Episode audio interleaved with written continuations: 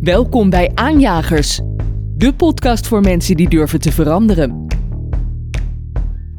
Iedere aflevering heeft Patrick Willer van Salesforce een echte aanjager te gast. Wat drijft hen om te innoveren? Hoe til je jezelf en je organisatie naar een hoger niveau? In deze podcast vertellen we je hoe je aan de slag kunt om een aanjager te worden. In wat voor een maatschappij kom je straks terecht als feit en fictie, eh, echt en nep, origineel en kopie dwars door elkaar heen lopen? En ik zeg ook bewust origineel en kopie. Ik kan ook met dit soort technologie kan ik, uh, geluiden van, uh, van zangers namaken. Ik kan ze liedjes laten zien die ze nooit gezongen hebben. Ik kan schilderijen maken in de stijl van Rembrandt of van hedendaagse kunstenaars. Ik kan stukken tekst schrijven volgens W.F. Hermans. Ja, wat zijn daar de gevolgen van? Wat zijn daar de rechten op? Moet je het allemaal zo, IP, copyrights... Dat soort vraagstukken worden nu denk ik heel erg belangrijk. En we hebben daar nog geen antwoord op. Deze aflevering hebben we Sander Duivenstein te gast. Hij is schrijver van het boek Echt Nep. En met hem hebben we het over de impact van technologie op onze realiteit. Welkom, beste luisteraar. Wat onwijs gaaf dat je weer luistert naar een nieuwe aflevering van Aanjagers. De podcast voor mensen die durven te veranderen. Nou, vind je onze podcast nou leuk en leerzaam uh, en wil je ons een handje helpen? Uh, je kan het altijd delen op uh, social media of een leuke waardering geven op het platform waar je nu naar luistert. Dat waarderen we enorm. Nou, we hebben er weer onwijs veel zin in vandaag. naast me zit weer Bob. Patrick. Ja, we gaan het vandaag hebben over wat is echt en wat is nep. Ja, dat, ja ik, ik, begin bijna ehm, natuurlijk Bohemian Rhapsody in mijn hoofd te krijgen als je het over echt en nep gaat hebben. Is this the real life? Um, eh, en ik begin het me eigenlijk uh, iedere dag steeds meer af te vragen. En ik denk dat het begon met um, de verkiezingen van, uh, van Trump, hè, de, als opvolger van Obama. Waarbij dat op social media heel getarget informatie naar mensen werd verspreid. Ook, ik denk ook informatie die niet altijd klopte met de waarheid. maar goed, wat is de waarheid? En ik merk aan mezelf en mijn omgeving dat alles wat ik nu zie op internet of op televisie daar, um, dat slikte ik vroeger als uh, zoete koek. En daar zet ik nu mijn vraagtekens bij, zonder dat ik daarmee um, uh, een heel erg conspiracy uh, um, aanhanger ben. Ja. Maar ik denk dat ik dat, dat alles wat de laatste tien jaar gebeurt, 15 jaar gebeurt in het nieuws, dat dat voor mij ervoor heeft gezorgd dat ik mijn bronnen dubbelcheck, of in ieder geval mijn blik aan het verbreden ben als het gaat over wat is echt en wat is nep. Ja, nou, we gaan daar wat eh, uitgebreider op in. Ik heb ook een beetje het gevoel dat we tot een soort apotheose komen van uh, seizoen 2. We hebben met heel veel verschillende gasten gesproken. We hebben met, uh, in aflevering 2 gesproken met uh, Renier van Leuken. Daar ging al Pandora's box over artificial intelligence helemaal open. We hebben Deborah gesproken wat er gaat gebeuren als we computerkracht hebben van de quantumcomputer. Uh, en ja, vandaag hebben we een hele bijzondere gast die, uh, waar we nog verder eigenlijk het rabbit hole ingaan. Want ja, wat is er nu echt nog, uh, wat kan je betrouwen? Wat, wat, wat is nou realiteit precies? Daar gaan we het uitgebreid over hebben, denk ik. ik denk dat het ook tijd is om onze gast te gaan aankondigen. Want hier bij ons aan tafel is aangeschoven Sander Dijverstein. Hij is spreker, wordt liever niet aangesproken als trendwatcher, schrijver, een persoon die echt diep nadenkt over de impact van technologie op mensen, bedrijven en de maatschappij. En hij is schrijver van een boek. Uh, dat boek heet uh, Echt Nep. Dat, uh, nou, ik heb het de afgelopen week heb met heel erg veel plezier gelezen. Uh, het is ook een boek wat, uh, ja, het is anderhalf jaar uh, oud, dat boek. Maar het is ook nu weer op een revival. Het is weer hard aan het stijgen. En dat komt omdat het onderwerp wat hierin beschreven is, ja, wat kunnen we nou vertrouwen? Weer heel erg actueel is door Midjourney, ChatGPT. Nou, we gaan het er uitgebreid over hebben. Welkom, Sander. Ja, dankjewel. Ja, laten we maar gewoon meteen van wal steken, Sander. Wat is echt en wat is nep? Ja, het is bijna een filosofische vraag. En ik denk dat we, wat jij ook zelf net zegt, uh, Bob, we worden daar momenteel dagelijks mee, mee geconfronteerd. En ik vond uh, deze week vond ik heel typerend uh, de jas van de paus. Die foto hebben we denk ik allemaal voorbij zien komen. Maar dat is voor mij een, een mijlpaal geweest van dit is de, de allergrootste AI-hoax die we ooit hebben meegemaakt. En mensen trappen daarin. Kun je de context uh, beschrijven van de jas van de paus? Ja, de, de, jas van de paus is een, het is een foto waarin je de, de paus ziet uh, rondlopen in een witte, witte pufferjas. Uh, een Balenciaga jas. Hij ziet eruit als een soort hip-hop ster met eroverheen een groot glanzend gouden kruis. En die foto is viraal gegaan op sociale media. En de meeste mensen zien het in de tijdlijn voorbij komen. Gaat natuurlijk, gaat natuurlijk ja, en dan krijgen we weer het volgende item. Dus de meeste mensen zagen dat en vonden het gewoon echt uh, fantastisch. Uh, oh, de pauze is lekker. Hey, de pauze is hip. Ja, die is lekker hip bezig. En natuurlijk toch in het hart van Italië, eh, in Rome. eh dat is ook een beetje een stad van de mode. Dus men, men geloofde dat. Maar als je gewoon heel goed gaat kijken. Het is, het is een hyperrealistisch beeld. Maar dan zie je dat hij in zijn hand een soort van Starbucks-achtige kop koffie vasthoudt. En dat is gewoon niet echt. Dus dit is een beeld die iemand gegenereerd heeft. Eh, en dat was ook nog grappig. Degene die het gegenereerd heeft, woont in Amerika, een, een bouwvakker. En die was aan het trippen op paddenstoelen. En die dacht van laat ik eens kijken wat er gebeurt als ik dat invoer in, in, in Midjourney. Dus gewoon de tekst, een hippe paus met een witte jas. eh, hippe witte jas. En vervolgens kwam die super realistische foto eruit. En die heeft iedereen voor de rek gehouden. Terwijl die beste man in het ziekenhuis lag op dat moment. Ja, dat was een week later. Een week later. Maar daar zag je weer foto's voorbij komen dat hij eh, pizza aan het eten was op zijn bed. Met een non, een non zat eraan bij. Ook weer super realistisch. En die werd ook weer getoond op televisie. Maar ook dat was gewoon weer keihard nep. Maar niet te onderscheiden als je de context niet kent. Nee, het gaat, weet je, je ziet het in een flits voorbij komen. En je denkt, oh wat grappig, wat leuk. Zoals, zoals memes ook werken, Ja. weet je. Eh, ja, en dat, dat gaat zo snel, zo hard dat je nog geen tijd hebt om... Ja, je, je neemt het voor zoete koek aan. Maar toch, eh, die technologie die is nu al een eh, aantal maanden met ons. Heel veel mensen kunnen het maken. Een echte explosie van deepfakes is er nog niet. Of is dit nu echt een voorbode dat het nu echt gaat losbarsten? Hoe kijk je daar tegenaan? Waar zitten we een beetje? Nou ja, ik denk dat het eh, wel degelijk heel hard gaat. Want ik, ik zie foto's voorbij komen waarbij president Macron rent voor zijn leven tijdens de demonstraties voor de pensioenhervormingen. Ik zie foto's voorbij komen waarbij Donald Trump eh, wordt gearresteerd, waarbij hij zich verzet, waarbij hij in een oranje va- gevangenispak in de gevangenis zit en uiteindelijk ook zelfs nog een keer ontsnapt en bij de McDonald's nog een keer een hamburger gaat eten. Ik zie Angela Merkel en Obama zandtaartjes bakken. Eh, je kunt zo gek niet bedenken of het wordt gewoon gemaakt. En zelfs complete gebeurtenissen worden gefingeerd. Een eh, aardbeving die, die nooit heeft plaatsgevonden. De blauwe plaag in Rusland. Ja, gigantische verhalen worden daar gecreëerd. Terwijl het gewoon niet waar is. Dus ik zie wel degelijk een explosie van. Het is maar deepfakes, eh het zijn statische beelden. hè. Het zijn gewoon foto's. eh, ze bewegen niet. En dat is natuurlijk gewoon de, de volgende stap. Dat het ook nog eens een keer gaat bewegen. Ik wou net zeggen, want eh, tegenwoordig hebben we ook... pas geleden zag ik een filmpje van Runway. Ja. Misschien is het goed als jij uitlegt wat Runway precies is. Ja, Midjourney is eigenlijk Midjourney is een, eh, een AI-app waarbij een AI-beeldgenerator waarin je tekst stikt en er komt een hyperrealistische foto uit. En met Runway is een soort van video-editing tool. Aan de ene kant kun je heel makkelijk door tekst bijvoorbeeld objecten verwijderen uit een filmpje. Je ziet die veersbeestje, haalt die veersbeestje weg en vervangt hem door een bijtje. Ja. Ziet er super realistisch uit. Maar je kunt nu ook eh, fragmenten van vier seconden kun je genereren. Eh ballonnen die door de lucht vliegen. Een hond die in het park zit met een smartphone in zijn hand. En je krijgt gewoon een fragment terug van vier seconden. Waarin dat beeld eh, verpakt zit. En het beweegt. Het is nog wel een beetje primitief. Maar ja, kijk naar de ontwikkelingen van, van die foto's waar we het net over Ja. hadden. Over een half jaar of een jaar heb je ook filmmateriaal. Wat niet meer van echt te onderscheiden is. Nee, dat is ongelooflijk. Ik eh, moet ook even terugdenken aan eh, een paar weken geleden hebben wij elkaar ontmoet. En eh, toen deed jij ook een presentatie. We deden samen eigenlijk een, een presentatie daar. Jij deed al het zware werk, want jij deed ook echt een keynote geven. Ik zat al helemaal in het Ja. panel, dat was lekker makkelijk. Maar ik kon wel heel goed kijken naar jouw presentatie. En het is ook wel leuk, denk ik, voor de luisteraar om er een klein beetje een beeld van te geven. En dan weten ze ook, als een keer de gelegenheid zijn om een presentatie van jou bij te wonen.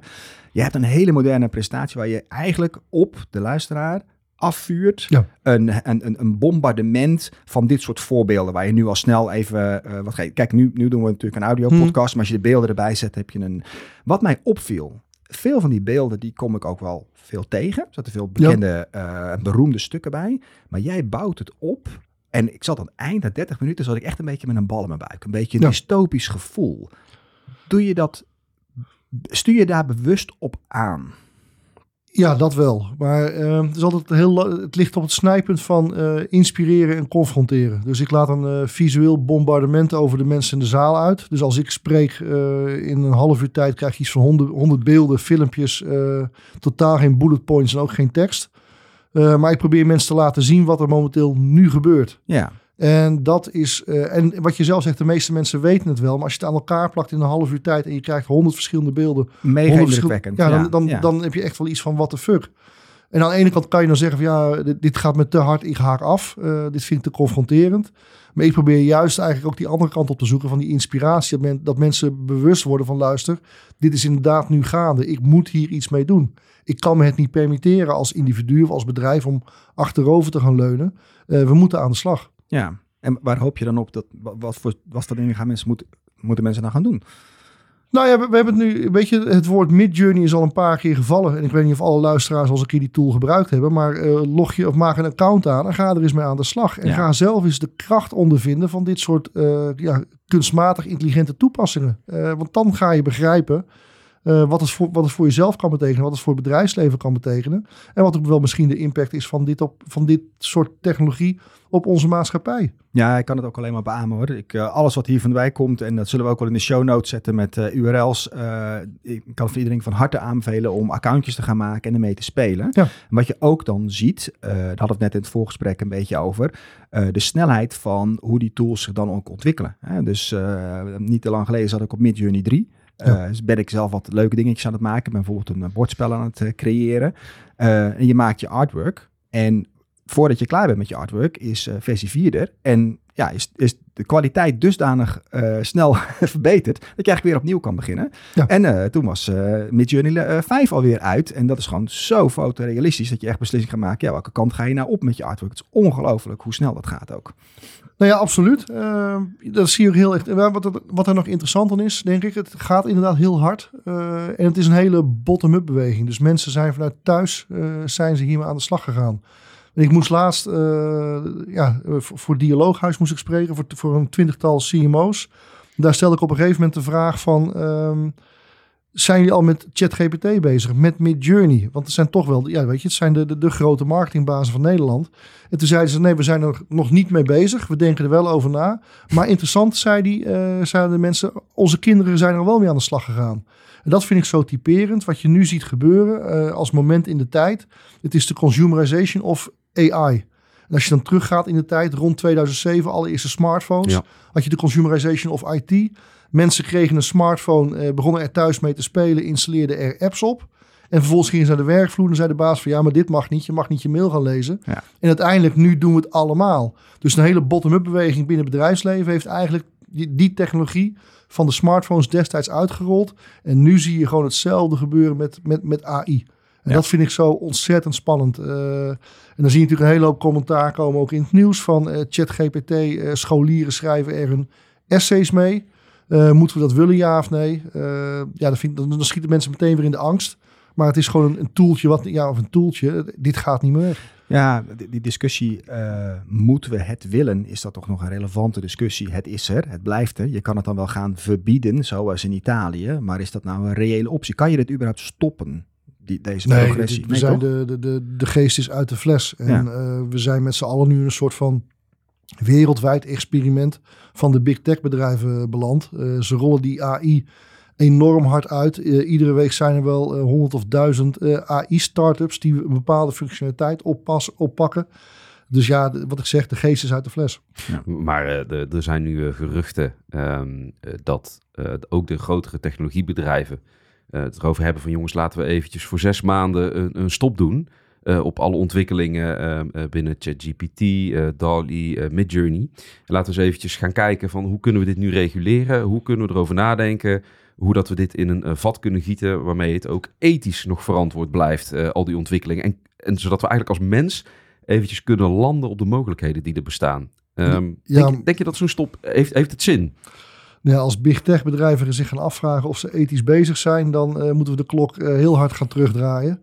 Eh, ik kan me nog iets met sociale media en big data herinneren. en Iets met Facebook, geloof Ja. ik, hè? Ik weet niet precies. Dus, ja, dat is zo'n, ik vind het zo'n wassen neus. Ehm, en ook die, waar, waar je op doelt, die zes maanden stopzetten. Er is, er is een, een brief verschenen van een, een duizendtal wetenschappers.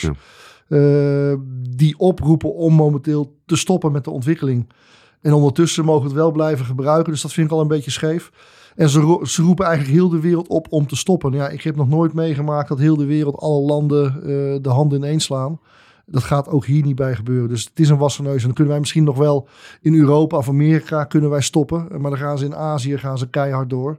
Dus het is een, het is een concurrentiestrijd eh, waar we nu in zitten. Het is een nieuw soort wapenwedloop eigenlijk. Ja. ik, wil, ik wilde net zeggen, is dit, Ja. is dit de race naar de maan eigenlijk? Eh, eh, kunnen we het daarmee vergelijken?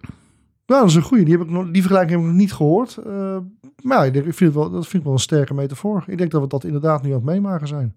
Ja, en stel dat je het ook stopt. Stel dat we het zes maanden stoppen, global. En dan, dan Ja, heb je gewoon zes maanden vertraging en dan ga je daarna Patrick, ook weer door. Kun je Ja. AI stoppen? Ja, ik vind het bijzonder uh, interessant. Ik vind het nu zo verschrikkelijk hard gaan. Uh, wat ik nu uit ChatGPT 4 haal en de dialogen die ik zie. En ook wat ik dan. en ik denk dat jij dat ook doet, Sander. Dan geef je wel eens een keynote en dan ben je bezig met uh, verzamelen van use cases. Dat is ook allemaal niet meer bij te houden, zou ik maar zeggen. Als ik gewoon ja, probeer het aantal YouTube-filmpjes wat er is met mensen die we allemaal nieuwe dingen hebben gevonden, wat je dagdagelijks hoort. Het, het, het, het is niet meer te vatten in dit zijn de use cases die je wat gaat doen. Het is eigenlijk een beetje zoals elektriciteit. Oké, hier heb je stroom. Wat wil je ermee doen? Wat kan je ermee doen? Ja, ja je, kunt, je kunt de stekker echt niet uittrekken. Nee. Nee, maar kijk, wat, wat het helemaal mee eens. Uh, dus ik, ik, onderschrijf ook niet uh, ja, die brief die, die daartoe oproept. Maar wat ik wel interessant vind, is dat die brief natuurlijk wel ja, het gesprek, dialoog heeft gestart. Van zijn we met z'n allen wel zo verstandig bezig. Want inderdaad, we komen in een wereld terecht waarbij echt een nep dwars door elkaar heen lopen. En zijn we daar als maatschappij, als bedrijf, als individu op voorbereid? En die vraag hadden we misschien wat eerder moeten stellen. Of in ieder geval de, de grote big tech bedrijven die dit allemaal op ons loslaten. Nou goed, in, in, je, in je boek beschrijf je ook dat het niet iets is van de laatste tien jaar. Hè? Ik, uh, uh, ik sla een pagina open en dan zie ik een, een foto van, uh, van 150 jaar geleden, misschien wel langer geleden waarop, een, uh, uh, ja, waarop we eigenlijk de eerste deepfake zien. Een gemanipuleerde foto van een, uh, van een Amerikaanse generaal die daar op het slagveld staat met, op zijn paard. Dat vind ik heel goed dat je dat aanhaalt. Want we doen nu net alsof dat deze alternatieve fake realiteit iets wat opeens hier is, maar het is eigenlijk altijd al geweest. Hè? Of... Het is er altijd geweest. Uh, zelfs de allereerste muurschilderingen in grotten uh, zou je als een soort van fake realiteit uh, kunnen beschouwen. Want hoe waarheidsgetrouw waren die ja of nee? Alleen wat ik wel interessant vind aan het huidige tijdsgevricht is dat natuurlijk de schaal waarop het gebeurt en de snelheid waarmee dit soort tools worden uitgerold. het feit dat iedereen dit gewoon kan doen, dat is denk ik, voor, in mijn optiek is dat gewoon ongekend.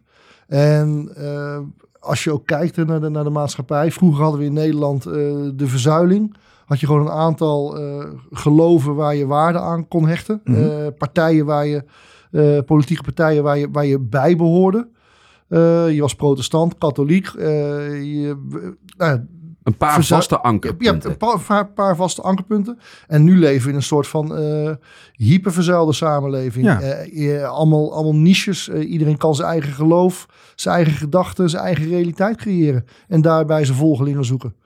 En dat is, dat, dat is wel, wel anders. Het is, het is van alle tijden, maar de schaal en snelheid waarmee dit nu gaat, is, is wel degelijk anders. Maar blijft het basisprincipe dan niet hetzelfde dat je dan ja, het verhaal kiest wat bij jou past en je realiseert dat er heel veel verschillende verhalen zijn. Um, om jezelf staande te houden in die hyper verzuilde. Dat ben ik met je eens. Alleen um, het spel tussen echt en nep wordt gewoon steeds onduidelijker. En dat probeer ik aan te geven met bijvoorbeeld die foto van die paus. Ja. Uh, het gaat zo snel voorbij. Je denkt dat het echt is. Uh, maar je moet een stap terugnemen. En ik denk ook dat. Uh, ik denk, weet je, vroeger hadden we ook zoiets met, we zijn heel erg zintuigelijk. Wat je, wat je hoort of wat je ziet, dat is waar. Maar nu zie je dankzij het internet hoor en zie je ook dingen. En die zijn dus duidelijk niet echt en dus ook niet waar.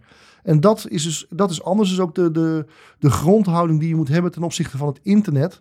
Uh, ik denk je tegenwoordig uh, heel sceptisch moet zijn. En per definitie niks meer moet geloven wat op internet staat. En dat je zelf uh, heel goed op zoek moet naar waar informatie vandaan komt. Uh, wie duidt dat? Wat zijn de bronnen? En voor jezelf moet bepalen wat waar of niet waar is.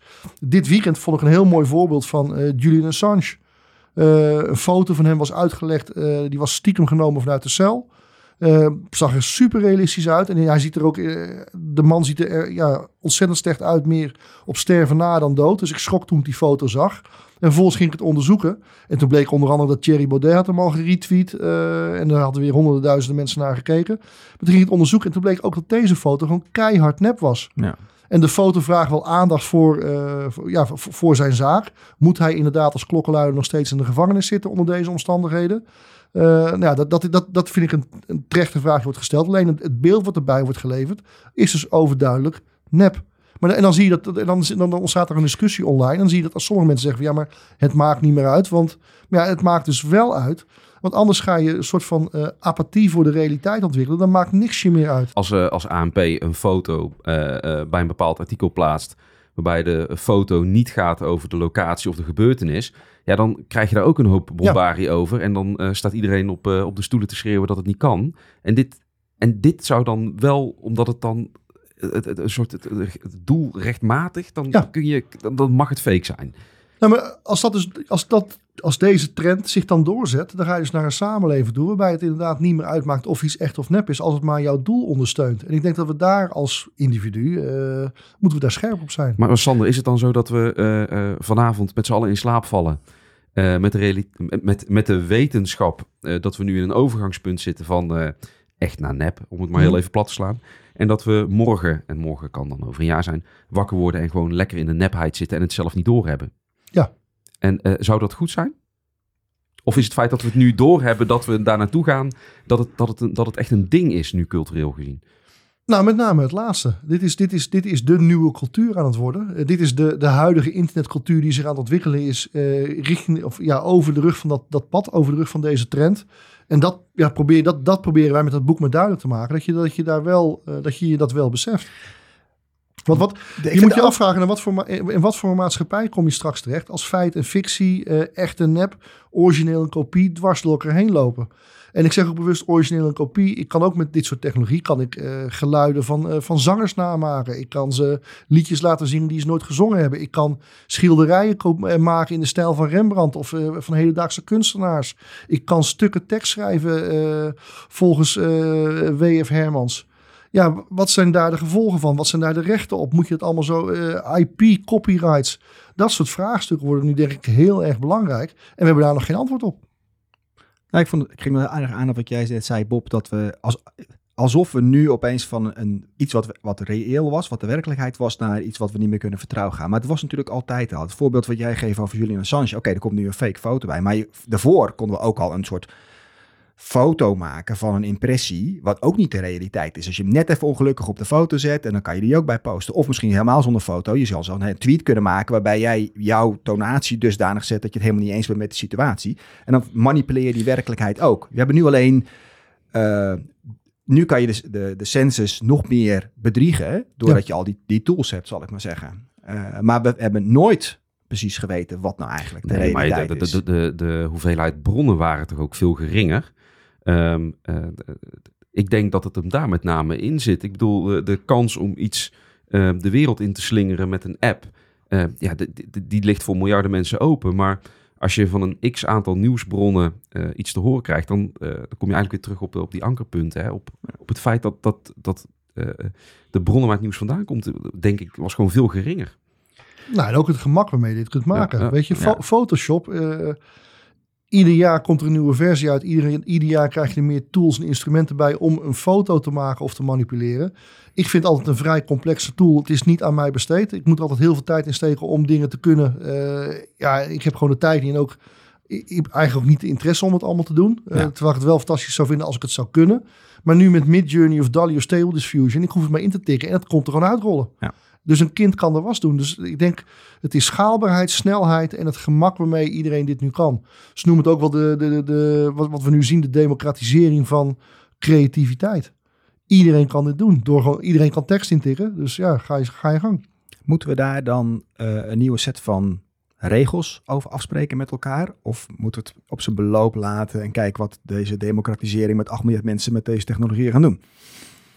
Nou ja, weet je, dingen ga- gaan al op hun beloop, want de geest is uit de fles. Eh, maar we missen gewoon een stuk mediabewustzijn of een stuk digitaal geletterdheid. Eh, en nogmaals, wij mensen zijn eigenlijk van heel goed vertrouwen. Eh, als- we wat we zien en horen, dan, dan, geloven dat, dan is dat zo. Ja. Maar als daar, als dus met en die gaat zintuig- veranderen natuurlijk. ja, dit- dat- Ja. Dus ja, je, je houding ten opzichte van informatie op internet, dat moet gaan veranderen. En dat is een stukje mediabewustzijn, een stukje digitale geletterdheid. En dat moeten mensen, eh, overheid moet het oppakken met misschien reclamecampagnes versieren. Eh, scholen moeten het toch gaan oppakken. De politiek moet het gaan oppakken. De journalistiek, de media moet het veel beter gaan duiden. Ja, maar waarom zou de politiek het moeten oppakken? Want het, het, is, het helpt ze enorm. Wat ik net ook al zei. Trump er wel bij. eh, Ze zelfs in, gebruiken het net zo hard, ja. ik zeg, precies. ik zeg zelfs in ja. Nederland. Maar dat, dat, weet je, hoe harder je liegt, hoe meer mensen je achter je krijgt. Nee, ja, ben ik met je, dat, dat is een valide punt. Ben ik ook met je eens. Ik denk alleen dat de politiek, eh, zie ik toch altijd maar een beetje als de leiders van dit land. Eh, en die doen dat met een bepaald, eh, bepaalde moraal, eh bepaald idee om goed te doen om de wereld te verbeteren. Uh, dus ik vind wel degelijk dat daar een taak ligt vanuit de politiek. Maar dat ze het inderdaad ook als instrument gebruiken om uh, de boel te fucken. Ja, dat gebeurt ook natuurlijk dagelijks. En um, is dan het grote woord eigenlijk uh, vertrouwen? Als we gaan kijken, is dat hetgeen wat we aan het verliezen zijn? Vertrouwen als mensheid in elkaar? Ja, dat, dat, dat gevaar loop je hier wel mee. Dat je niks, als je niks meer kan geloven, niks meer kan vertrouwen. Ja, dat, dat zijn de fundamenten van onze, van onze democratie. Het haalt de ziel eruit. Het ja. post-truth tijdperk. Ja. ja. Nou ja, sterker nog, niet alleen post-truth, maar we gaan naar een post-realiteit tijdperk toe. Want iedereen heeft de tools nu om zijn eigen werkelijkheid te creëren. En die met duizenden of miljoenen mensen te delen. Ja. Nou, dat is een mooi uh, positief uh, gesprek tot nu toe. Ja, Dus, nee, uh, gezellig hè. ja. Uh, dit boek, dat, laten we even teruggaan naar, naar be, hoe je op het idee bent gekomen met dit boek te gaan schrijven. Want nu is het super actueel. Ja. Maar het boek is al anderhalf jaar oud. er zit ook heel veel research in, dus je bent er ver van tevoren al mee begonnen. Ehm, buikgevoel om, om deze kant op te gaan? Geluk dat het precies zo komt? Waar, waar, hoe... Nee, ja, dat is natuurlijk mijn vak trendwatch. Hè. Dan, dan zie je dat duidelijk van tevoren aankomen. nee, um, wij zagen toen de, de allereerste deepfakes ontstaan. En daar, uh, we hadden net een rapport geschreven over uh, machines en, en uh, of kunnen met, we hadden een rapport geschreven over kunstmatige intelligentie. En daarin werd de vraag gesteld: uh, kunnen machines creatief zijn? Het was net toen DeepMind won volgens mij het spelletje, het bordspelletje Go. Ja. En dat soort technologieën werden ook gebruikt om onder andere nieuwe medicijnen te bedenken. Dan praat ik ongeveer over 2014, 2016. En was het antwoord daarop dan ja of nee? Kunnen ze Ja. creatief zijn? Wij, vonden, wij zagen toen uh, een, een, trend ontstaan waarbij inderdaad kunstmatige intelligentie uh, creatief kan Ja, zijn. Maar ja. wel in samenwerking met mensen. Dus het is een soort van sparringpartner, co-piloot, uh, virtuele assistent. Waarmee je samen in dialoog gaat om samen nieuwe dingen te ontwikkelen. Dus de mens is wel, duidelijk, wel heel duidelijk in controle. Die heeft de regie in handen. Dus dat was eigenlijk een van de vertrekpunten. En vervolgens ehm, ja, werd dat groter en groter. En toen kwamen we eigenlijk met z'n drieën, uh, Menno van Doorn, Thijs Pepping en ik, hadden toen de vraag van ja, wat doen we hiermee? Laten we het bij één rapport of gaan we het groter maken? Moeten we niet weer eens een keer een boek schrijven? En toen hadden we het idee bedacht, we gaan een boek schrijven. Ja, en toen brak uh, de pleuris uit, corona. En dat was voor ons ideaal, want wij konden ons twee jaar terugtrekken op onze kamer en uh, onderzoek doen en dit boek schrijven. Maar ja, in die, in die twee jaar is heel veel gebeurd ook. Dus ik kan me voorstellen dat tijdens het schrijven er continu nieuwe ontwikkelingen waren. Nog harder dan voor corona. Dat, dat, klopt. Dus we hebben het zo goed mogelijk proberen te verwerken in het boek wat er destijds gebeurde. En vervolgens, weet je, uh, het boek komt uit en de oorlog in de Oekraïne breekt uit. En dat wordt dan opeens weer een TikTok-oorlog genoemd. En daar worden weer filmpjes verspreid die ook niet waar waren. Uh, we zien virtuele influencers ontstaan, virtuele mensen. De wereld lijkt wel geëxplodeerd momenteel met dit soort technologie. Het, lijkt wel een soort van exponentiële groei door te maken. Maar ja, weet je, op, een boekje begint iets en je zet er een einddatum op en die verschuift nog een paar keer. Maar op een gegeven moment is het wel klaar. Ik denk dat de grote lijnen van het boek heel duidelijk zijn en die, en die, ook, uh, die ook kloppen. En momenteel wat er nu gebeurt zijn eigenlijk gewoon maar... Uh, het is maar de bevestiging van ons verhaal iedere keer. Ja, je, je beschrijft in het boek ook, of jullie beschrijven in het boek ook heel mooi... Uh, de geschiedenis van realiteit eigenlijk. Um, um, en dat zal altijd relevant blijven. Maar het, blijft toch niet bij echt nep? Er komt toch nog wel een deel 2? Uh, wij, ja. alleen, alleen nep. Ja, alleen nep. nep ja. Nou, die, die, die, die vraag ligt er wel vanuit de uitgever ook. Uh, we zijn er hard over aan het nadenken. En er zijn wel ideeën over. Uh, alleen ook daar moeten we, moeten, ja, weet je, er zit gewoon gedegen onderzoek in. Afgelopen jaar, afgelopen keer, dus drie man of drie personen, allemaal twee man, ja, dus zes man jaar. Dus dan moet, als we weer zo'n boek willen neerleggen, dan moeten we daar weer gewoon zoveel tijd in gaan steken. En ja, tijd is toch wel een schaars ding tegenwoordig.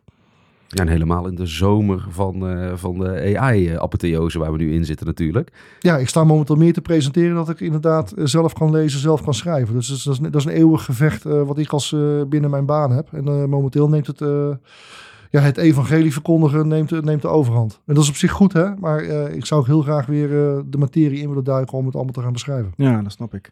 Die, in het boek vind ik ook een mooi stukje wat je op een gegeven moment beschrijft, wat dus nog steeds wel onderscheidt van AI en van robots. je noemt dan een stukje empathie, het verhalen vertellen. En ook het spelen. Dat dat eigenlijk die drie grote menselijke eigenschappen zijn die robots nog niet doen.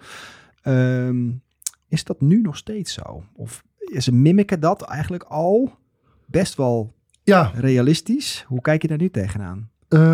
Tegen maar- ik blijf de, de, de, de mens blijf ik gewoon heel belangrijk vinden. Eh, wij zitten hier nu ook aan tafel en hebben ge- met elkaar een gesprek en ik kan jullie in de ogen kijken. Dat vind ik toch prettiger op zo'n manier dan dat er een scherm tussen me in zit.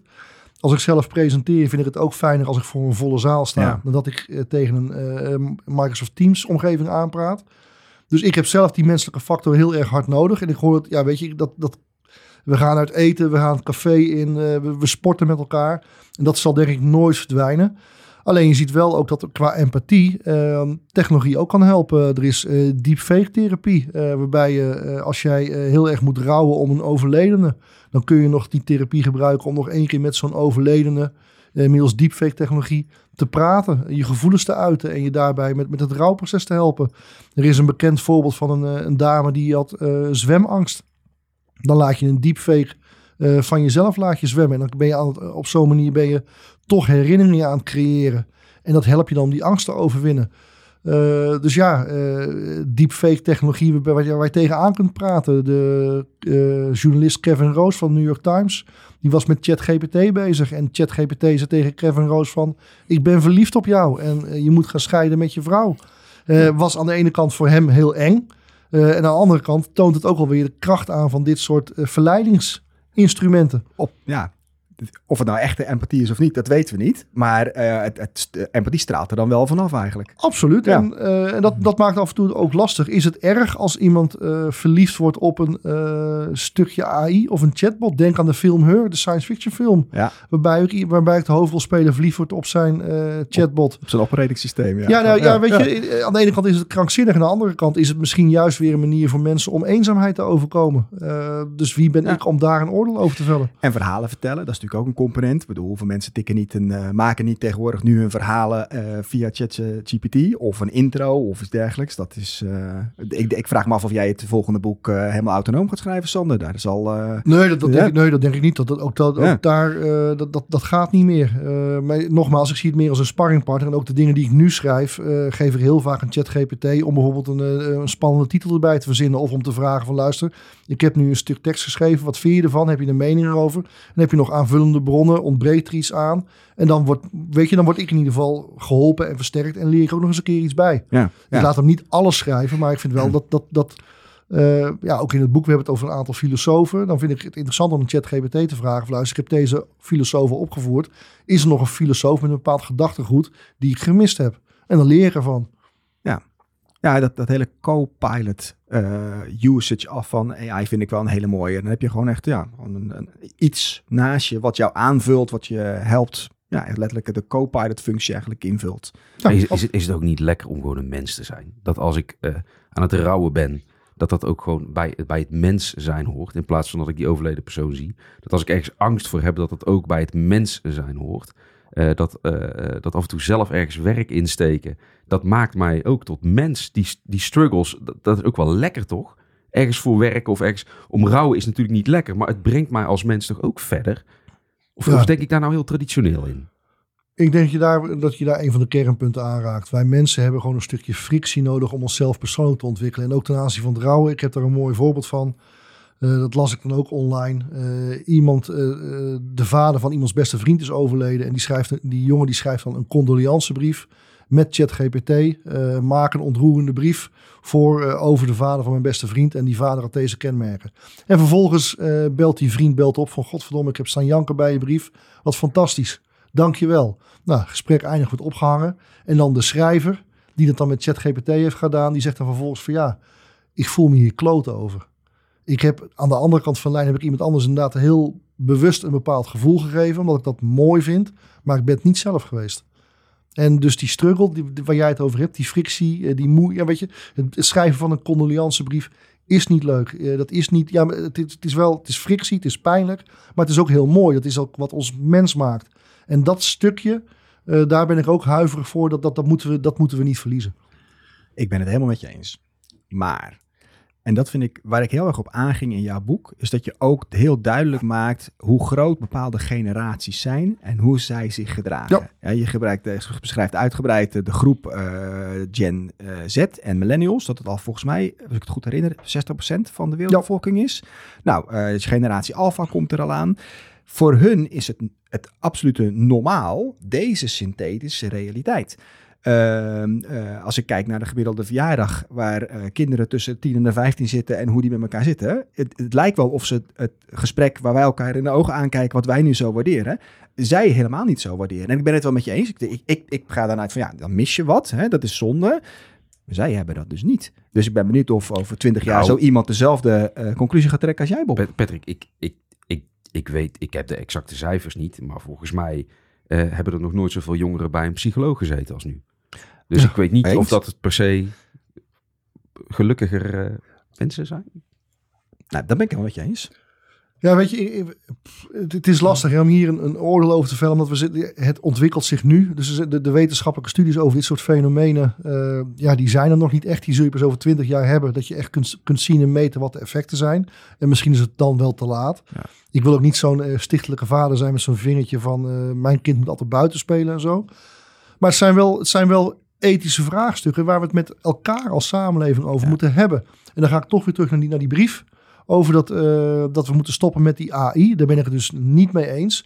Maar dit zijn wel de vragen die zo'n brief moet oproepen. En dan moeten we als maatschappij, als, ja, als overheid, eh, als mensen onder elkaar, als, als, ja, ook zelfs in het bedrijfsleven, daar moeten we het over hebben. Ja, Dat we, bewust zijn van wat Ja. er nu gebeurt. Dat Ja. is echt een hele belangrijke stap. Ja. Ja. Wat En, dat eh, betreft in die postbus, wat is het, postbus 52, 51? Toch nog niet zo'n heel slecht plan misschien. Eh, oh, oh, een, een postbus. Ja, oh ja, die, die reclames van vroeger bedoel je? Zei je dat toch? Postbus 52, was jou die reclametjes? Dat zei je toch net als voorbeeld? Ja, ja, Oh ja, dat ja. de regering dat moet doen. Nou, Ja. dat is op zich zo raar nog niet. Ja. Nee, nou, en, maar eh, eh, wat heb jij als tip aan organisaties nu om... Ja, indekken vind ik heel negatief. Maar om het gewoon als een, als een gemeengoed eh, te introduceren. Maar wel met bepaalde ja, afspraken die je dan binnen een organisatie maakt. Heb je daar tips voor? Over? nou ja, kijk, wat, wat ik meemaak. eh, ja, ik presenteer heel veel, veel, veel workshop-achtige dingen. En dan zit je dus, ik kom dus heel veel met gesprek met hele diverse bedrijven allemaal. Van verzekeraar tot bank, tot pensioen, tot, eh, tot, tot sportscholen ongeveer en eh, hogescholen. Echt heel divers.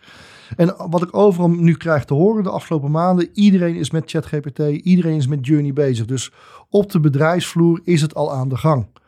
Ehm, alleen, er moet een stukje bezinning bij. Als je met ChatGPT bezig bent of met Midjourney, welke data geeft het apparaat? Wat gebeurt er met die data? Ben jij eh, bedrijfsgevoelige data gewoon aan het weggeven? Eh, want wordt het opgeslagen of niet?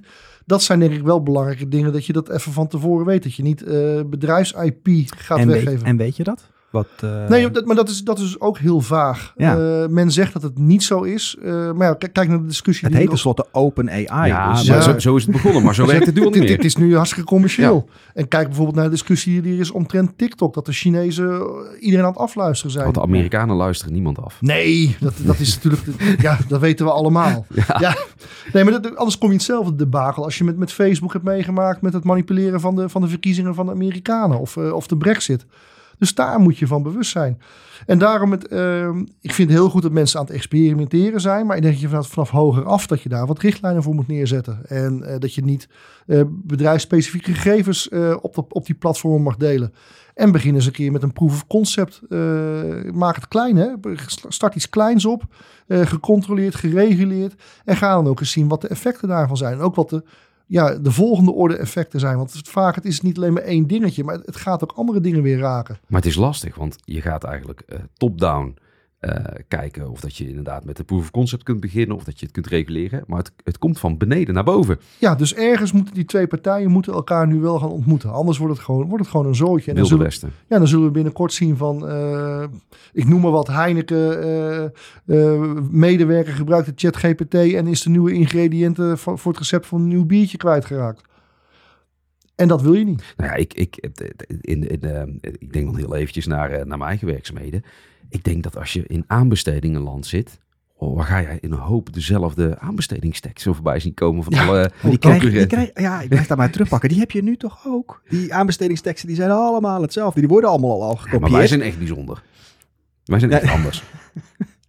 Ja, ze zijn allemaal gekopieerd en de antwoorden zijn ook allemaal de gekopieerd. antwoorden komen ook weer al van die brochures zien allemaal hetzelfde uit. We zitten daar wat dat betreft al in een kopie van een kopie. Ja, het wordt, het wordt gewoon een steeds positiever gesprek. Ik vind het wel leuk. eh. nee, maar het- dit zijn wel ook deze opmerkingen die je maakt. Ik denk dat dat, dat ook juist de vragen moet, eh, moeten zijn die je moet gaan stellen. Van ja, weet je, eh, ChatGPT klinkt heel verleidelijk, heel makkelijk. Maar wat levert die op? En laat ik het maar eens inderdaad gaan vergelijken met wat de concurrent... eh, Want, want je wil toch als bedrijf wil je ook onderscheidend zijn. En ik, ik zeg heel bewust, ChatGPT, Midjourney, het zijn tools die je moeten assisteren. Maar het is natuurlijk heel makkelijk om inderdaad zo'n condoleancebrief... dat je gewoon het werk gaan overlaat, het over het muurtje heen gooit... en dan ben je er vanaf. En ik denk, ja, dat, dat moet je dus niet doen. Dus je moet inderdaad toch weer die menselijke frictie opzoeken... dat je dat eh, gevecht met jezelf en met ChatGPT aangaat... dat je gaat sparren om tot een beter Ja. resultaat te En je komen. creativiteit niet volledig uitbesteden. Dus Nee. die, die co-pilot functie, daar ga ik echt op aan. Samen iets doen. Ik bedoel, ik hou heel erg van schrijven. Dus ik blijf gewoon steeds zelf schrijven. En soms inderdaad precies wat jij zegt. Soms valideer je wel eens. Kom je Ja. weer op een nieuw idee. Of wat vind je hiervan? En dan, dan krijg je echt een spanningssituatie. Zoals jij ongetwijfeld hebt gehad toen je dit boek schreef met twee mensen. Ja, En dan met elkaar in dialoog gaat over wat doen we wel of niet erin zetten. Nou, absoluut. Zo'n functie Ja. krijgt het dan in principe. Ehm, we zitten een beetje te praten over hoe we dat nou moeten begeleiden. In jouw boek heb je het ook over herstelverhalen. Ja. Vertel eens wat je daarmee bedoelt. Dan geef eens een voorbeeld van een herstelverhaal. Nou, in, kijk, in het boek zijn we. eh, we beginnen natuurlijk het boek over wat is, wat is realiteit. En daar, daar hebben we al vrij snel het punt gemaakt dat wij mensen van origine verhalenvertellers zijn. We vertellen elkaar verhalen over religie. We vertellen elkaar verhalen over, eh, over geld. We vertellen elkaar verhalen over, eh, over merken. En elk, elk merk, elk brand heeft ook weer een bepaald verhaal, filosofie achter zich. En dat is de manier waarop we, wij mensen eh, met elkaar in verbinding treden. Waarbij we de neuzen dezelfde kant op, kant op kunnen kijken. Als er geen religie was geweest in de westerse wereld, hadden we misschien nu nog steeds op kleitabletten eh, lopen schrijven. Dus ik denk dat daar eh, het verhalenverteller brengt ons als mens vooruit. Ehm, en nu, eh, wat je natuurlijk de afgelopen tijd eh, meemaakt, ook inderdaad over de rug van nepnieuws, over de rug van samenzweringstheorie, over de rug van deepfakes. En het is daarvoor ook al ingezet. We leven een hele gefragmenteerde eh, samenleving, een gepolariseerde samenleving. En eigenlijk zijn we een beetje de, de grote verhalen van vroeger, zijn we verloren. Maar er liggen wel een hele hoop grote problemen op ons te wachten als mensheid om die op te lossen. Dus wij hebben ons afgevraagd, zou het nou niet mooi zijn als we deze technologie kunnen gebruiken om nieuwe grote herstelverhalen, grote verbindende verhalen te ontwikkelen? En dan vind ik, eh, en, en een voorbeeld daarvan eh, vind ik bijvoorbeeld eh, Traveling While Black. Dat is een VR-installatie waarbij je dus een VR-bril op moet zetten. En vervolgens stap, ja, ik ben zelf blank, eh, maar vervolgens stap je een, een Amerikaanse bus in in de jaren 60. Dan heb je opeens nog een donkere huidskleur. En dan moet je verplicht achter in de bus gaan zitten, terwijl de blanke medemens voorin zit. Nou, dat gevoel wat je in zo'n kunstinstallatie krijgt, eh, die virtuele realiteit voor jou schetst, eh, dat doet wat met je. Ja. En dan, dan ga je anders nadenken over discriminatie. Er is ook een applicatie van een Nederlands bedrijf, eh Enliven heet het bedrijfje. Die heeft bijvoorbeeld een eh, VR-installatie gemaakt waarbij je als ouders kunt ervaren eh, wat het is om als kind mee te maken dat je ouders scheiden met elkaar ruzie hebben. Dus dan zet je die bril op en vervolgens eh, kruip je dus in de huid van dat kleine jongetje en dan zie je je ouders voortdurend met elkaar ruzie maken.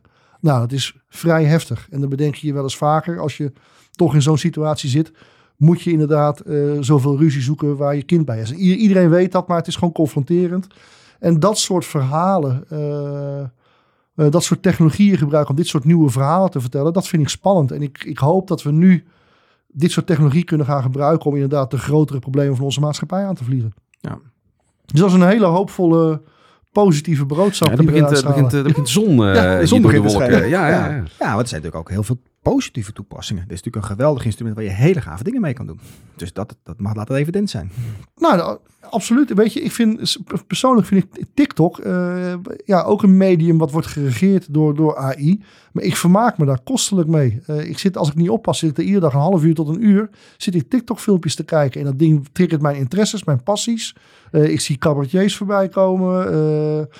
Ja, ik zie stomme dingen voorbij komen. Maar ik zie ook recepten voorbij komen. En ik, ik leer er iets van. En ik vind dat, dat vind ik fantastisch. En dat vind ik heel positief. Maar is het ook niet lekker om af en toe een keer iets te zien wat je niet interesseert? Om je, om je blikveld breed te houden? Nou, ik wilde net vragen. En hoe doe je dat? ja. Ja, maar de- Hoe, die, ook, hoe die- kom je uit TikTok, uit je bubbel? Want Of dat- is TikTok gewoon even lekker? TikTok is sowieso even lekker, maar ze hebben nu ook een eh, refresh functie waarbij je weer vanaf scratch af aan begint.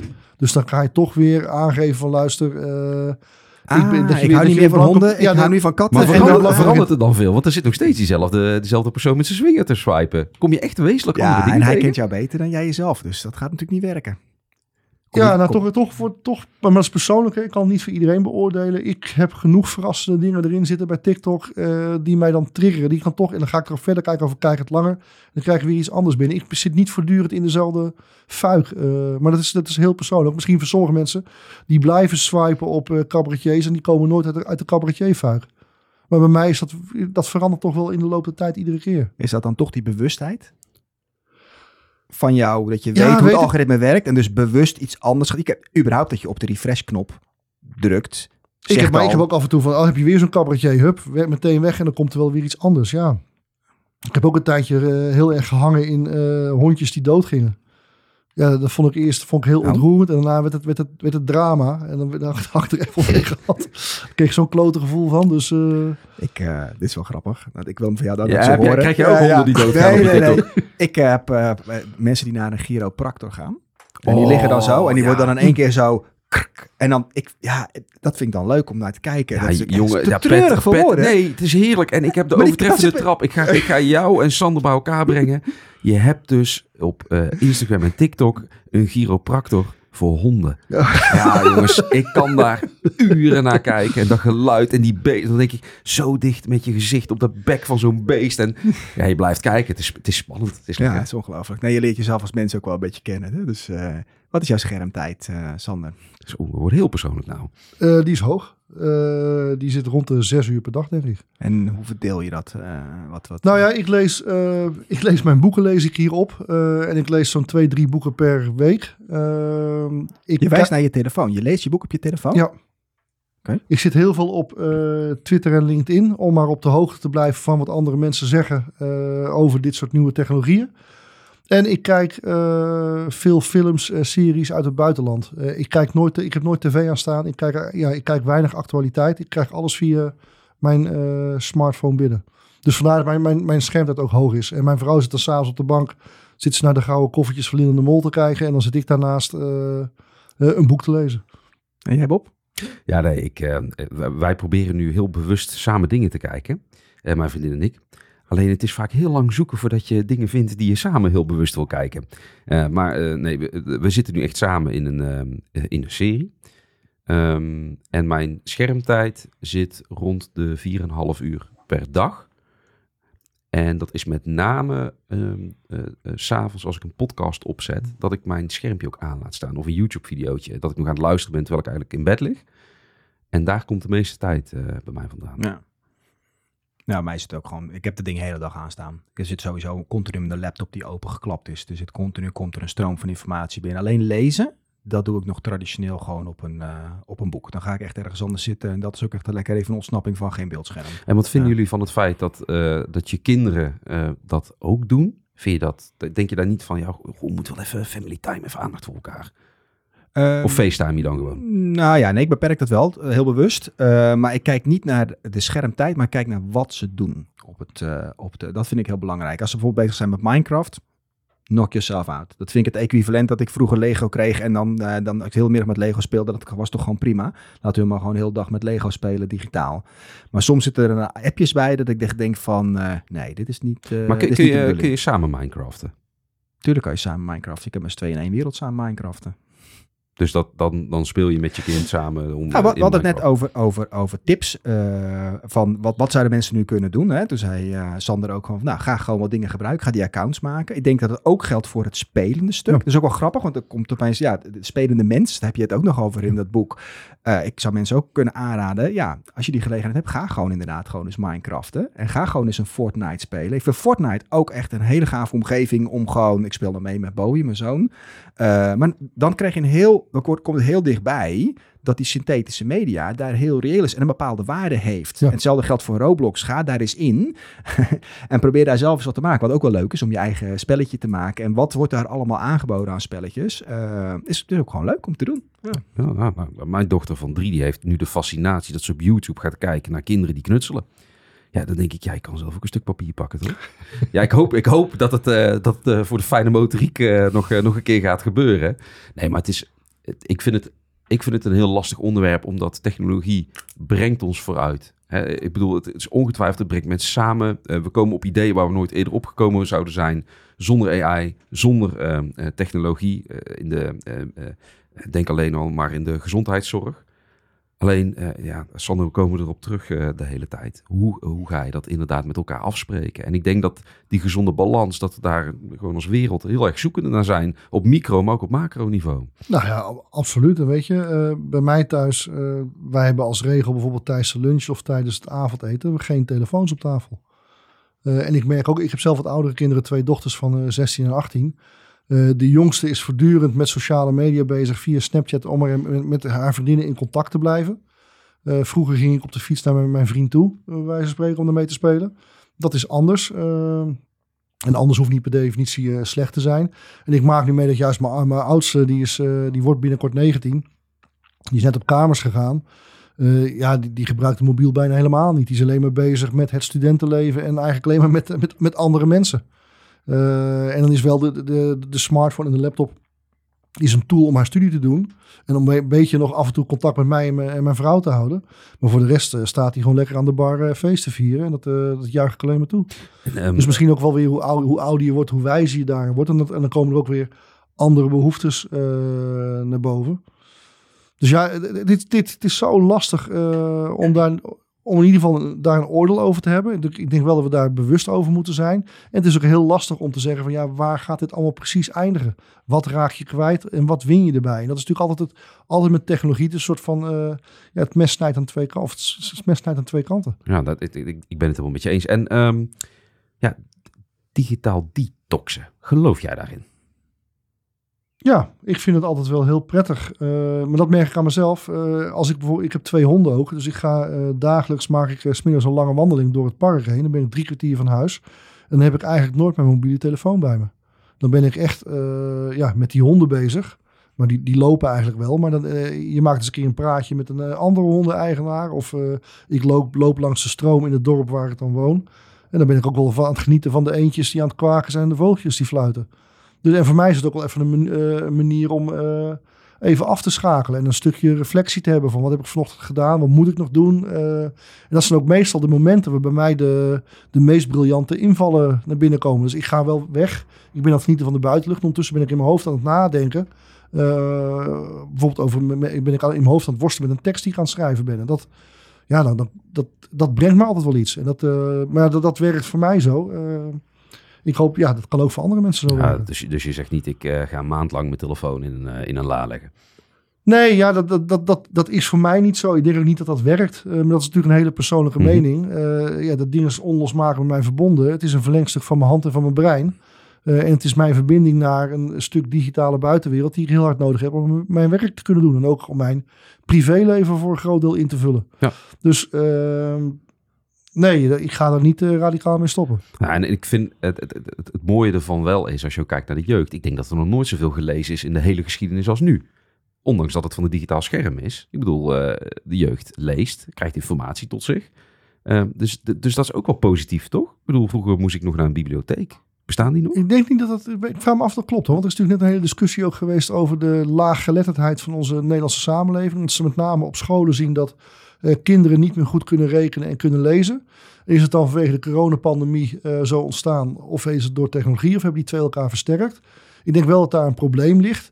En wat je ook ziet, is dat de jeugd gewoon heel uh, weet je, ik, ik weet nog, uh, ik kom nog uit, uit het lezen en schrijven tijdperk.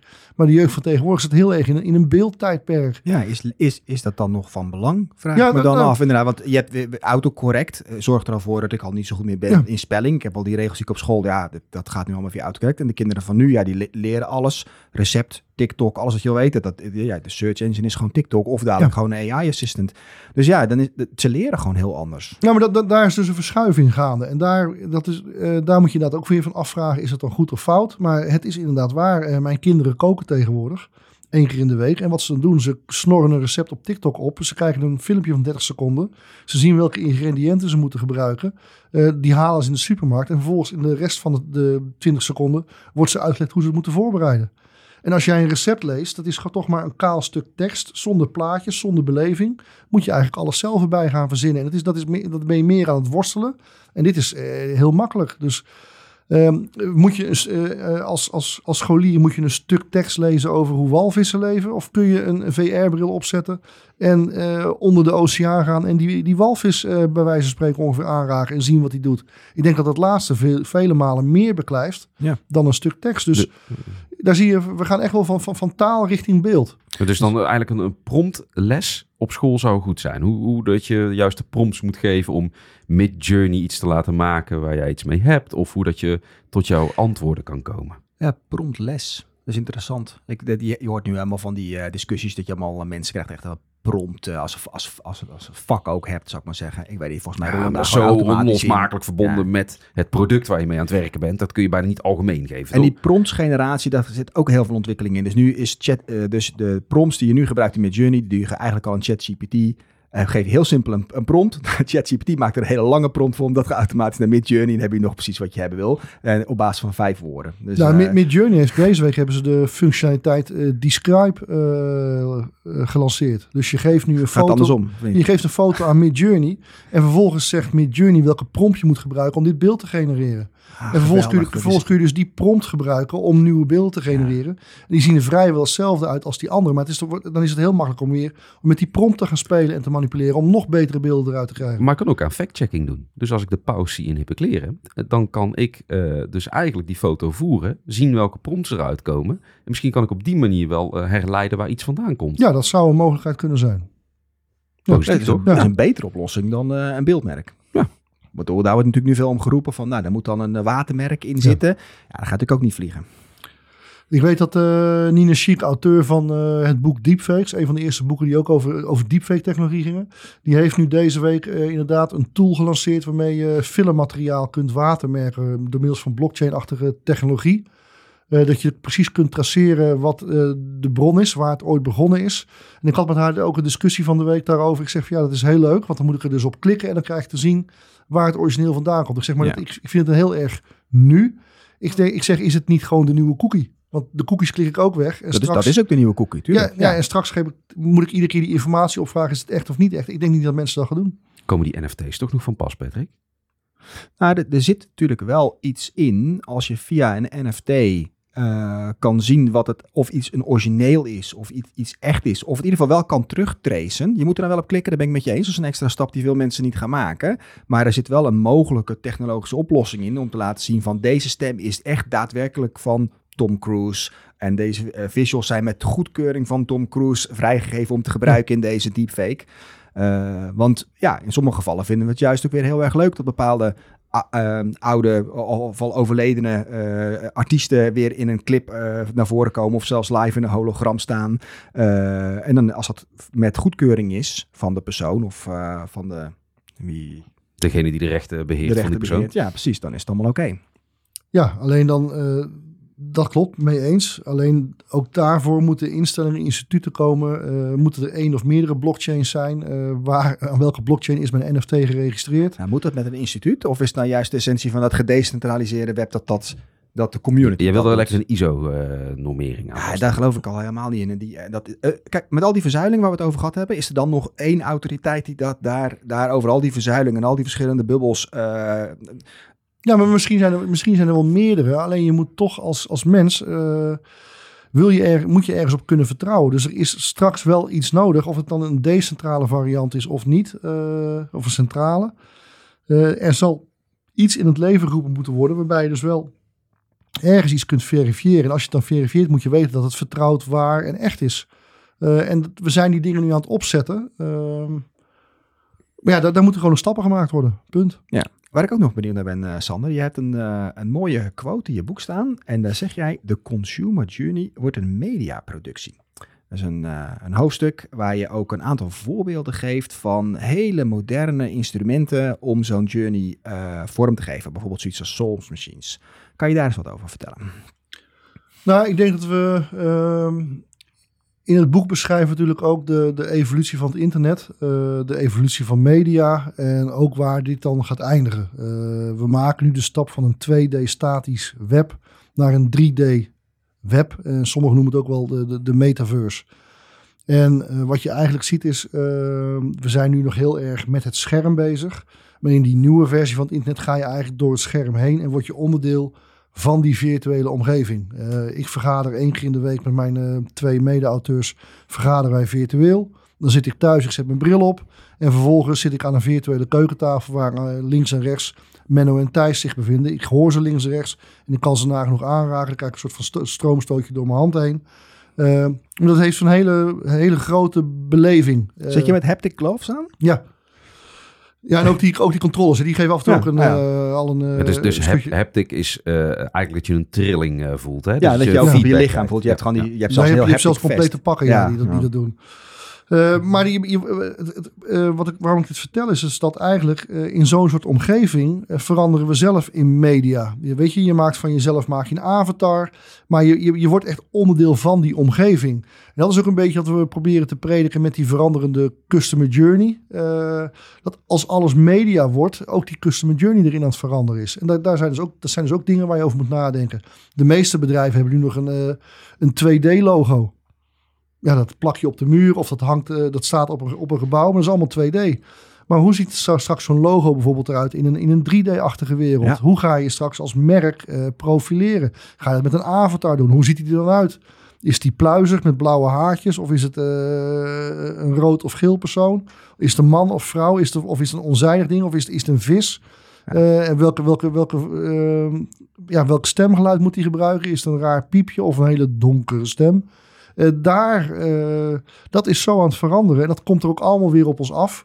Dus dat is een beetje ook wat, wat we ja, weer, weer prediken in het boek. Dat zijn wel de vragen die je ook weer als bedrijf moet gaan stellen. Heb jij uh, voorbeelden van bedrijven waar je ehm, misschien zelf in contact bent geweest... waarvan je zegt, nou, die zijn, die zijn, wel, die zijn wel lekker op weg? Nou, ik vind Nike, Nike Land, vind ik heel fascinerend. Die hebben gewoon een soort complete spelletjesomgeving bedacht uh, je kunt tennissen, je kunt er hardlopen, je kunt wedstrijdjes met elkaar doen. Uh, als avatar zijnde. Uh, je kunt jezelf ook aankleden met Nike kleren. En als je het interessant vindt, kun je die Nike kleren ook bestellen. Wordt naar je thuis toegestuurd. Maar dat, ja, dat, dat, dat, dat spelen met die media zit er heel erg in. dat je heel erg leert van dat soort omgevingen. En er zit gewoon een koppeling, een keiharde commerciële koppeling met de fysieke wereld in. Ja, het, is, het is bijna het aloude gegeven dat als je je klant iets in zijn handen geeft, dat ze dan meer bereid zijn om te gaan kopen. Ja, het is dus ook een, een manier om toch weer uh, in die nieuwe wereld het, merk aan jou te verbinden. Uh, dat is natuurlijk, ja, voor, merk is dat van levensbelang. Ja, heel gaaf. En ik denk ook dat, uh, dat bijvoorbeeld een Lego daar een mooi voorbeeld van is. Hè, die ook super van de, van de blokjes naar de digitale wereld zijn gegaan. Eigenlijk ehm, waarvan mensen dachten misschien dat het wel op sterven na dood is. Omdat je, ja, hoe ga je Lego blokjes nou digitaal maken? Daar zit een hele universum wat, uh, wat Lego daaromheen heeft gebouwd. Eigenlijk net zoals dat uh, Nike ook uh, doet op dit moment. Ja, ze maken ook de stap bijvoorbeeld om dat dan in die Unreal Engine en met Epic Games, om daar dan ook weer met Lego bepaalde characters weer op te bouwen. Dus dan gebruik je de nieuwe technologie ook weer heel erg. Want je had in je boek ook over die, die meta-humans van Unreal. Ja. Ja, nou, daar heb ik naar zitten kijken. En dat is echt ongelooflijk realistisch. Dus door je service agent van de toekomst ja, leg het eens uit. Je nou, kijk, de meeste bedrijven zijn nu aan het experimenteren met chatbot-achtige technologie. Dat jij uh, op je website een chatbotje hebt waaraan je vragen kan stellen in tekst en dan krijg je netjes in tekst antwoord. Ja. Dus een soort, uh, de eerste lijn helpdesk wordt daarmee vervangen. Uh, maar wat je nu ziet is dat we eigenlijk die chatbot meer leven gaan geven, een, fysi een fysiek voorkomen. En die kan eruit zien als een echt mens. Je ziet nu Samsung is met uh, Neons bezig. Uh, ja, uh, de Ultra Engine is met, met MetaHumans er bezig. En wat je eigenlijk kunt doen is dat je gewoon een, een compleet mens bij elkaar knipt en plakt in die omgevingen. En vervolgens heb je dus een 3D gerenderde ja, virtueel mens tot jouw beschikking. vormgegeven naar jouw wensen die, die je volgens, waar je volgens mij in dialoog kan gaan. En dat kan dus een soort van uh, ja, uh, een kleine Sander Duivenstein zijn die uit je telefoon popt. Waarmee je kunt praten over het boek Echt Nep. Of uh, ja, weet je, ik geloof Salesforce heeft Einstein. daar kun je ook nu, en Einstein kun je nu virtueel tot leven wekken. Ja. en daar kun je mee communiceren. Ik moet, ik, sorry, maar Clippy verschijnt in één keer in mijn hoofd. Nee, maar Eh, dat is het ook. Ja, Ja, maar dat is het ook. Clippy, maar dan iets geavanceerder. Ja, Ja. daar komt het wel Ja. op neer. Ja, en eh, als je hiernaar zit te luisteren en je hebt daar nog geen beeld bij, ga gewoon naar Google even eh, MetaHuman. En wat je dan op je scherm ziet, dat, eh, dat is echt indrukwekkend. eh, hoe snel dat gaat. En hoe realistisch dat eruit ziet, inderdaad. Ja. Dus, dus om toch in de positieve vibe, er komen hele mooie dingen aan. Nee, maar dat, dat is het ook, weet je. Eh, er is een bekende wet. eh, technologie is niet goed of slecht, maar ook neutraal. Het ligt eraan wat mensen ermee doen. En deze technologie kun je, ja, die explosie van AI, kun je gebruiken ten einde om propaganda te bedrijven, om de boel te beliegen, om nepnieuws of samenzweringstheorieën te creëren. Eh, maar daarom eindigen we ook het boek met herstelverhalen. Ik denk dat het een hele krachtige tool juist is om nieuwe verhalen te creëren, nieuwe realiteiten, waarbij we grote groepen mensen met elkaar kunnen verbinden, ten einde grote pro- problemen op te lossen. Dus ik ben ook heel optimistisch gestemd. En eh, wat dat betreft hoop ik toch dat, ik, eh, dat we met het boek een positieve boodschap uitstralen. Dat het ook een beetje tijdens dit gesprek eh, blijkt. En daarom heb ik ook een paar keer een kwinkslag gemaakt van wat een leuk, vrolijk gesprek. We moeten ook ons zorgen maken om eh, de negatieve dingen. Daar moeten we ook met elkaar de dialoog over ingaan. Maar het is belangrijk om inderdaad verder te kijken naar hoe het ons positief kan verrijken. Heel erg bedankt, eh, Sander, dat je al dit met ons wilde delen. En graag gedaan. Ja, dankjewel. Niks meer aan toe te voegen.